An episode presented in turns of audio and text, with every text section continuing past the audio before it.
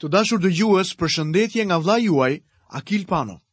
Në emisionin e kaluar folëm për vdekjen e Gjon Pagëzorit dhe më poshtë vështruam zemrën e Jezusit për të humburit dhe pamë se si ai i ushqen të uriturit. Në mësimin e sotëm do të shikojmë mrekulli të tjera të Jezusit, pikërisht mrekullinë e të ecurit mbi ujë dhe më poshtë do të ndalemi tek qëndrimi i ashpër i Jezusit ndaj skribëve dhe farisenjve. Atëherë le të fillojmë menjëherë emisionin e sotëm pa u vonuar. Lexojmë nga Ungjilli sipas Mateut, kapitulli i 14, vargu i 22. Fill pas kësaj, Jezusi i detyroi dishepujt e vet të hyjnë në barkë dhe t'i prijnë në bregun tjetër, derisa ai t'i lëshojë turmat. Fill pas kësaj është një fjalë që tregon urgjencë dhe lëvizje të menjëhershme. Ungjilli i Mateut ka një kapërcim të çuditshëm të përfundimit të mrekullisë së të ushqyerit të pesë mijë vetëve. Këtu vërejmë urgjencën e Jezusit në largimin e turmës dhe ngutjen për t'i dërguar dishepujt në det me varkë. Megjithatë, ai nuk na ofron asnjë lloj shpjegimi. Gjoni na e jep arsyen. Por Jezusi duke e ditur se po vinin ta kapnin për ta bërë mbret, u tërhoq përsëri mbi mal Fill i vetëm. Duke parë faktin që Mateu prezanton atë fazë të shërbimit të Jezusit që ka të bëjë me mbretërimin e tij, mund të duket si fillim e çuditshme që ai do ta injoronte këtë përpjekje të tyre për ta bërë mbret. Ky është një tregues tjetër i dukshëm i së drejtës së Jezusit për të qenë mbret. Ai është mbret me të vërtetë dhe me të drejtë. Ai nuk do të bëhet mbret nga ndonjë proces demokratik, Ai nuk është mbret i zgjedhur nga vullneti i njerëzve, por nga vullneti i Perëndisë. Dhe në fund, ai do të bëhet mbret patjetër. Lexojmë vargjet 23 dhe 24. Mbasi i nisi ato, u ngjit vetëm mbi mal për t'u lutur. Dhe kur u ngrys, ai gjendej aty i vetëm fare. Ndërkaq barka ndodhej në mes të detit dhe përplasej nga valët sepse era ishte e kundërt. Zoti Jezus është në mal në vendin e lutjes, ndërsa dishepujt janë poshtë në detin e Galilesë, në stuhi dhe në errësirë. Ata gjenden në vendin e rrezikut. E njëjta gjë ndodh me ne sot, sepse Zoti ynë ka shkuar tek Ati dhe është ulur në anën e Tij të djathtë. Ne sot jemi këtu poshtë në një det me stuhi, në vendin e rrezikut. Vargu vijues më pëlqen shumë. Lexojmë vargun e 25. Në rojen e katërt të natës, Jezusi shkoi drejt tyre duke ecur mbi det. Roja e katërt është roja e mëngjesit, nga ora 3 deri në agim. Kjo është ora e katërt kur Jezusi eci mbi det duke shkuar për tek dishepujt. Unë mendoj se ajo duhet të jetë ora kur Ai do të vijë për ne me ngazëllim. Krishti është ylli i shndritshëm i mëngjesit për kishën dhe Ai do ta nxjerrë atë jashtë botës. Ne nuk e dimë datën e ardhjes së Tij.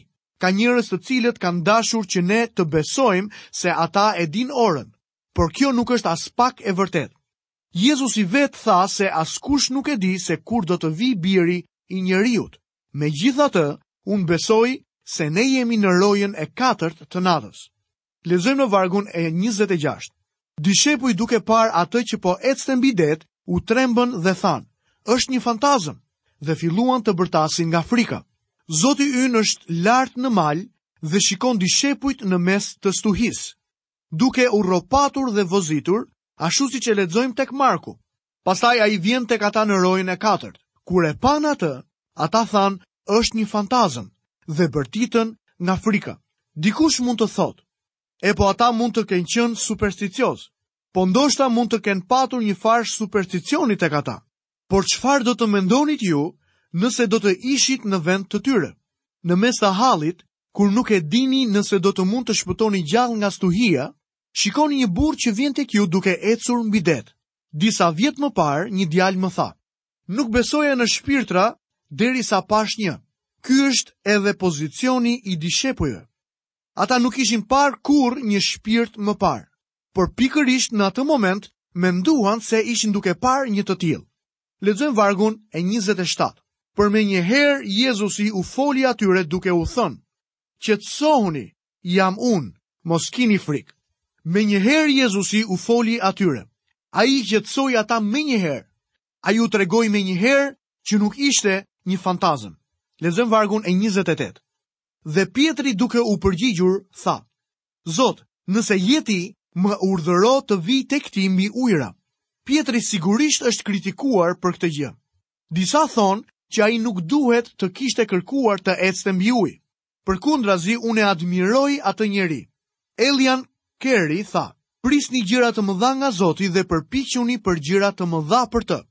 Sigurisht, Pjetri e bëri këtë gjë. Unë kam frikë se shumica prej nesh janë të kënaqur me gjëra të vogla nga Zoti. Vini re, Jezusi nuk e qortoi Pjetrin sepse pyeti. Lexojmë vargun e 29. Ai tha, Eja! Dhe Pjetri zbriti nga barka dhe eci mbi ujëra për të shkuar tek Jezusi. Dëgjoj njerëz që thonë se Pjetri dështoi në ecjen mbi ujë, por në fakt Bibla ime nuk thotë kështu. Ajo thotë se Pjetri eci mbi ujë për të shkuar tek Jezusi. Ky nuk është një dështim. Pjetri kërkoi nga Zoti diçka të jashtëzakonshme. Perëndia e përdori atë në një mënyrë të mrekullueshme gjatë ditëve që vijuan. Nuk është rastësi që ai u zgjodh të predikonte në ditën e Pentakostit. Lexojmë më poshtë vargun e 30. Por duke parë erën e fortë, kishte frikë dhe duke filluar të fundosej, bërtiti duke thënë: O Zot, shpëtomë! Sapo filloi të ecte mbi ujë, Pjetri i hoqi sytë nga Zoti Jezus. Kur filloi të fundosej, ai bëri lutjen më të shkurtër që gjendet në Bibël. Zot, shpëtomë!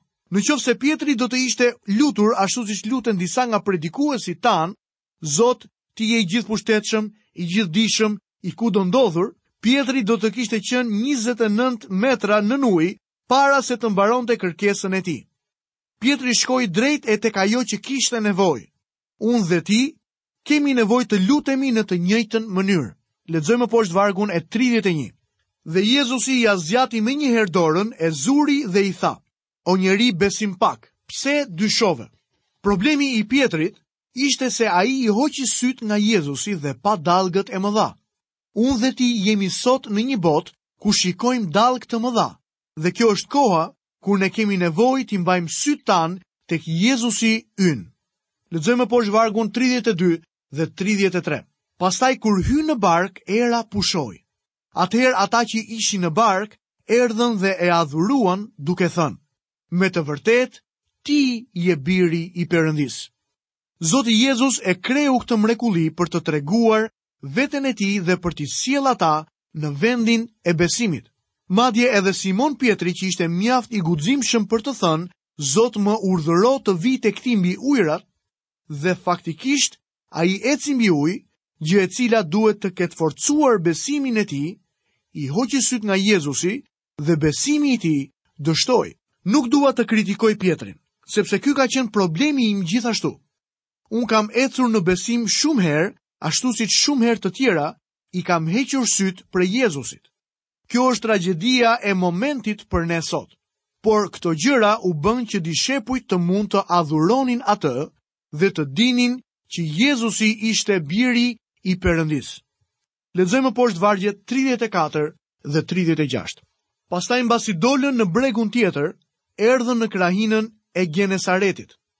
Dhe njerëzit e atij vendi sapo e njohën, e përhapën fjalën në të gjithë krahinën përreth, dhe i sollën të gjithë të sëmurët, dhe iu lutën që të mund t'i preknin të paktën cepin e rrobës së tij, dhe të gjithë ata që e prekën u shëruan plotësisht. Pas stuhisë, ai vazhdoi t'u shërbente nevojave të njerëzve. Më lejoni të tërheq sërish vëmendjen tek turmat që ishin shëruar atë ditë. Ne kemi të regjistruar vetëm disa shërime, por në fakt ishin me mijëra ata që u shëruan nga Zoti. Këtu kemi përfunduar kapitullin e 14 të Ungjillit sipas Mateut dhe ndërkohë do të vazhdojmë studimin e sotëm me kapitullin e 15.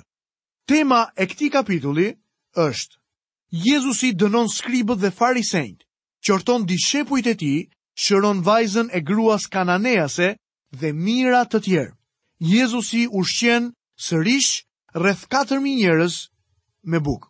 Në këtë kapitull do të shohim lëvizje të tjera të mbretit tonë. Do të shohim se tashmë ai ka filluar të lëvizë drejt kryqit. Kemi parë tashmë mohimin e tij dhe konfliktin me krerët fetarë. Ndërkohë që ky kapitull do ta çojë më tej shërbesën e Jezusit deri në pikën e thyerjes me skribët dhe farisenjtë. Atëherë le të shohim Jezusin i cili dënon skribët dhe farisenjtë. Lexojmë në kapitullin e 15 të Ungjillit sipas Mateut, nga vargjet 1 dhe 2. Atëherë skribët dhe farisenjtë e Jeruzalemit erdhën tek Jezusi dhe i thanë: Përse dishepujt e tu shkelin traditën e pleqve? Sepse nuk i lajnë duart përpara se të hanë. Skribët dhe farisenjtë kishin ardhur që nga Jeruzalemi. Në kapitullin e mëparshëm, pamë se Jezusi dhe dishepujt e tij kishin shkuar në një vend të shkretë, ku turmat nuk mund të gjenin qoftë edhe diçka të vogël për të ngrënë. Kështu që ai i ushqeu ata vetë. Në pamje të parë, mund të duket si diçka e mrekullueshme që krerët fetarë kishin ardhur që nga larg për të dëgjuar Jezusin. Mirëpo, në fakt ata nuk kishin bërë gjithë atë rrugë për ta duartrokitur apo pranuar mësimet e tij. Ata kishin ardhur për ta kritikuar atë. Menjëherë kuptojmë se kjo nuk ishte një vizitë miqësore. Ata nuk e akuzuan Jezusin për shkeljen e shkrimeve, por për thyerjen e traditës. të cilën ata e konsideronin të njëvlefshme me shkrimet. Ata donin të dinin pse dishepujt e tij nuk i lanin duart. Ata i referoheshin një pastrimi ceremonial në vend të asaj çfarë ne mund ta konsiderojmë një larje fizike ose higjenike. Ka shumë njerëz që mendojnë se në qoftë se kryejnë disa lloj ceremonish sipërfaqësore, dhe pastrojnë vetëm anën e jashtme, kanë bërë gjithçka që duhet bërë. Lexojmë vargun e tre të kapitullit të 15 të ungjillit sipas Mateut. Por Jezusi u përgjigj dhe u tha atyre, dhe ju përse shkelni urdhërimin e Perëndisë për shkak të traditës suaj. Jezusi i akuzoi ata për shkeljen e urdhërimeve të Zotit me traditën e tyre. Tradita e tyre, siç mund ta shihni, i lejonte një burri të mos i bindej ligjit. Kjo mund të duket e habitshme, por ata kishin një mënyrë shumë të zgjuar për ta bërë këtë.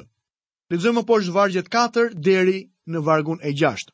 Perëndia në fakt ka urdhëruar kështu: Ndero atin dhe nënën, dhe ai që e mallkon të atin ose të ëmën, të dënohet me vdekje. Kurse ju thoni, Kushdo që i thotë atit ose nënës, Gjithçka me të cilën mund të mbaja i është ofruar Perëndisë. Ai nuk është më i detyruar të nderojë atin e vet dhe nënën e vet. Kështu ju keni prapësuar urdhërimin e Perëndisë për shkak të traditës suaj. Zoti ynë po thotë që të nderosh atin dhe nënën tënde, do të thotë që t'i ndihmosh ata. Rruga që ndiqnin skribët dhe farisenjtë për sa i përket kësaj përgjegjësie ishte duke dhënë paratë e tyre si dhuratë për Zotin. Kjo gjë do t'i lironte ata nga kujdesi për prindërit e tyre. Kjo i jepte njeriut një rrugdalje fetare për të thyer ligjin e Mojsiut. Unë akoma besoj se mënyra më e mirë për të testuar një të krishterë është me anë të kuletës së tij. Barometri i të krishterëve sot është mënyra se si i administrojnë ata paratë e Zotit. Krerët fetarë në kohën e Jezusit ndihmonin njerëzit që t'u bënin bisht përgjegjësive të tyre. Opinioni im është se Zoti do që ju të paguani ndershmërisht borxhet tuaja përpara se t'i jepni Atij. Zoti do që ju të kujdeseni për përgjegjësitë tuaja personale. Ai do që përpara se t'i jepni Atij, të kujdeseni për familjet tuaja. Një herë kam njohur një burrë me ca ide të çmendura. Një ditë erdhi tek unë dhe donte të më jepte gjysmën e rrogës së tij, ndërkohë që familja e tij ishte e uritur. Kur e zbulova këtë gjë, bëmë një bisedë të shkurtër së bashku. U mundova t'i shpjegoja përse nuk mund ta merrja ofertën e tij, por ai u ofendua. Më në fund e kuptoi që duke vepruar në këtë mënyrë po neglizhonte familjen e tij. Është e çuditshme të shohësh se si njerëzit përpiqen t'u shpëtojnë përgjegjësive në një rrugë fetare. Lexojmë më poshtë vargun e 7 dhe vargun e 8. Hipokritë, mirë profetizoi Isaia për ju kur tha: Ky popull po më afrohet me gojë dhe më nderon me buzë, por zemra e tyre rri larg meje. Zoti i quajti hipokritë skribët dhe farisenjtë. Kjo është fjala më e pakëndshme në shkrime. Asnjë fjalë tjetër nuk i korrespondon plotësisht kësaj fjale. Por në atë kohë, ajo nuk kishte kuptimin që ka sot. Për ne ajo është një fjalë djegëse, por në kohën e Jezusit, ajo thjesht nënkuptonte ti të përgjigjeshe dhe përdorej nga një aktor në pjesë teatrale. Kjo do të thoshte që një aktor mund të merrte një replikë dhe pastaj t'i përgjigjej kësaj replike. Jezusi i akuzoi skribët dhe farisenjtë se ishin duke luajtur me fenë. Udhëheqësit fetarë ishin të etur të shihnin njerëz që bënin ceremoninë e larjes së duarve, por ata injoronin gjendjen e zemrës së njeriut, që është gjëja më e rëndësishme për Perëndinë. Në një mënyrë shumë fetare, ata po thyenin ligjin e Moisiut. Miqtë e mi, ne gjithashtu jemi goxha të aftë në arsyetim. Prindërit u thonë fëmijëve të tyre: t'i lajnë duart përpara se të vijnë në tavolinë, por shpesh nuk i kushtojnë aspak kujdes asaj çfarë shohin në televizor fëmijët e tyre. E para dëmton trupin e tyre, ndërsa e dyta dëmton zemrën. O, natyrisht që fëmijët duhet t'i lajnë duart, kjo është e rëndësishme, por ajo që ndodh brenda zemrës së tyre është më e rëndësishme. Tani Zoti ynë do të zgjerohet më shumë mbi këtë qëndrim. Lexojmë më poshtë vargjet 10 dhe 11. Pastaj thirri turmën pranë tij dhe u tha atyre: Dëgjoni dhe kuptoni. Njeriun nuk e ndot çfarë i hyn në gojë, por ajo që del nga goja e tij e ndot njeriun. Principi i madh që po u mësonte Jezusi ishte se ndotja morale është shpirtërore dhe jo fizike. Lexojmë më poshtë vargun e 12.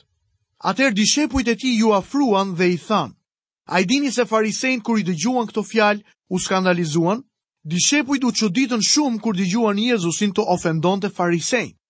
Deri në këtë pikë kemi patur një konflikt midis krerëve fetarë dhe Jezusit. Por kjo është pika e thyerjes midis tyre. Zoti Jezus vazhdon të mësojë dishepujt e tij. Lexojmë për këtë vargun e 13, por ai duke u përgjigjur u tha. Çdo bimë që ati im qiellor nuk e ka mbjellë, do të shkulet me rrënjë. Fjala bimë këtu do të thotë sistem. Nuk do të ishte shumë vulgare të interpretoje atë që Jezusi tha në këtë mënyrë. Çdo sistem fetar që nuk e ka mbjellë ati im do të shkulet me rrënjë. Lexojmë vargun e 14. Hiqni dorë prej tyre. Ata janë të verbër, prijës të verbërish. Dhe në qoftë se një i verbër i prin një të verbri tjetër, të dy do të bien në gropë. Ky për mua është një qëndrim qesharak dhe sigurisht ai është duke përdorur një sarkazëm thumbuese. Farisenjt ishin prijësit e verbër.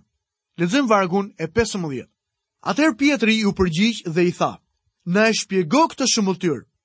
Zoti u foli me shëmbëlltyra dishepujve të tij, por ata nuk e kishin kuptuar. Lexojmë së bashku më poshtë vargjet 16 deri 18. Dhe Jezusi u tha atyre: As juve s'keni kuptuar akoma?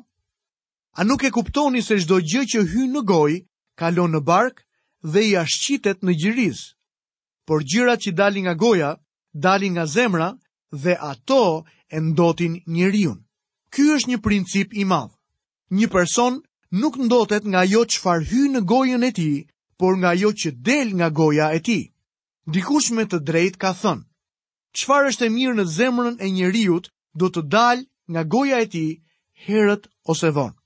Lexojmë më poshtë së bashku në kapitullin e 15 të Ungjillit të Mateut, vargu 19 dhe 20. Sepse nga zemra dalin mendimet e mbrapshta, vrasjet, shkeljet e kurorës, kurvëria, vjedhjet, dëshmitë e rreme, blasfemitë. Këto janë gjëra që e ndotin njeriun, kurse të hash pa i larë duart nuk e ndot njeriun. Ne jemi duke e parë këtë të funksionojë qartësisht në kulturën tonë bashkëkohore. Ne jemi në periudhën e moralit të ri dhe kemi arritur ditën për të cilën foli profeti Isaia, i cili tha në kapitullin e pestë të librit të tij, në vargun e njëzet. që ata do ta quajnë të keqen të mirë dhe të mirën të keqe.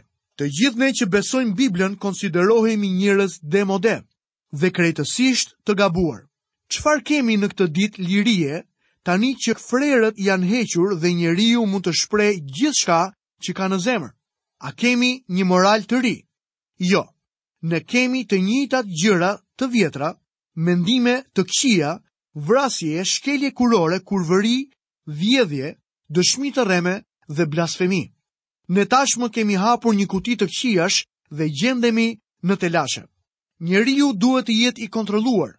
Ai është qenia më vicioze në tokë. Ne fusim kafshë nëpër kafaze, por njeriu duhet të jetë i lirë që të jetë në gjendje të bëjë punën e tij. Zoti ynë na ka treguar se çfarë raca njerëzore duhet të bëjë.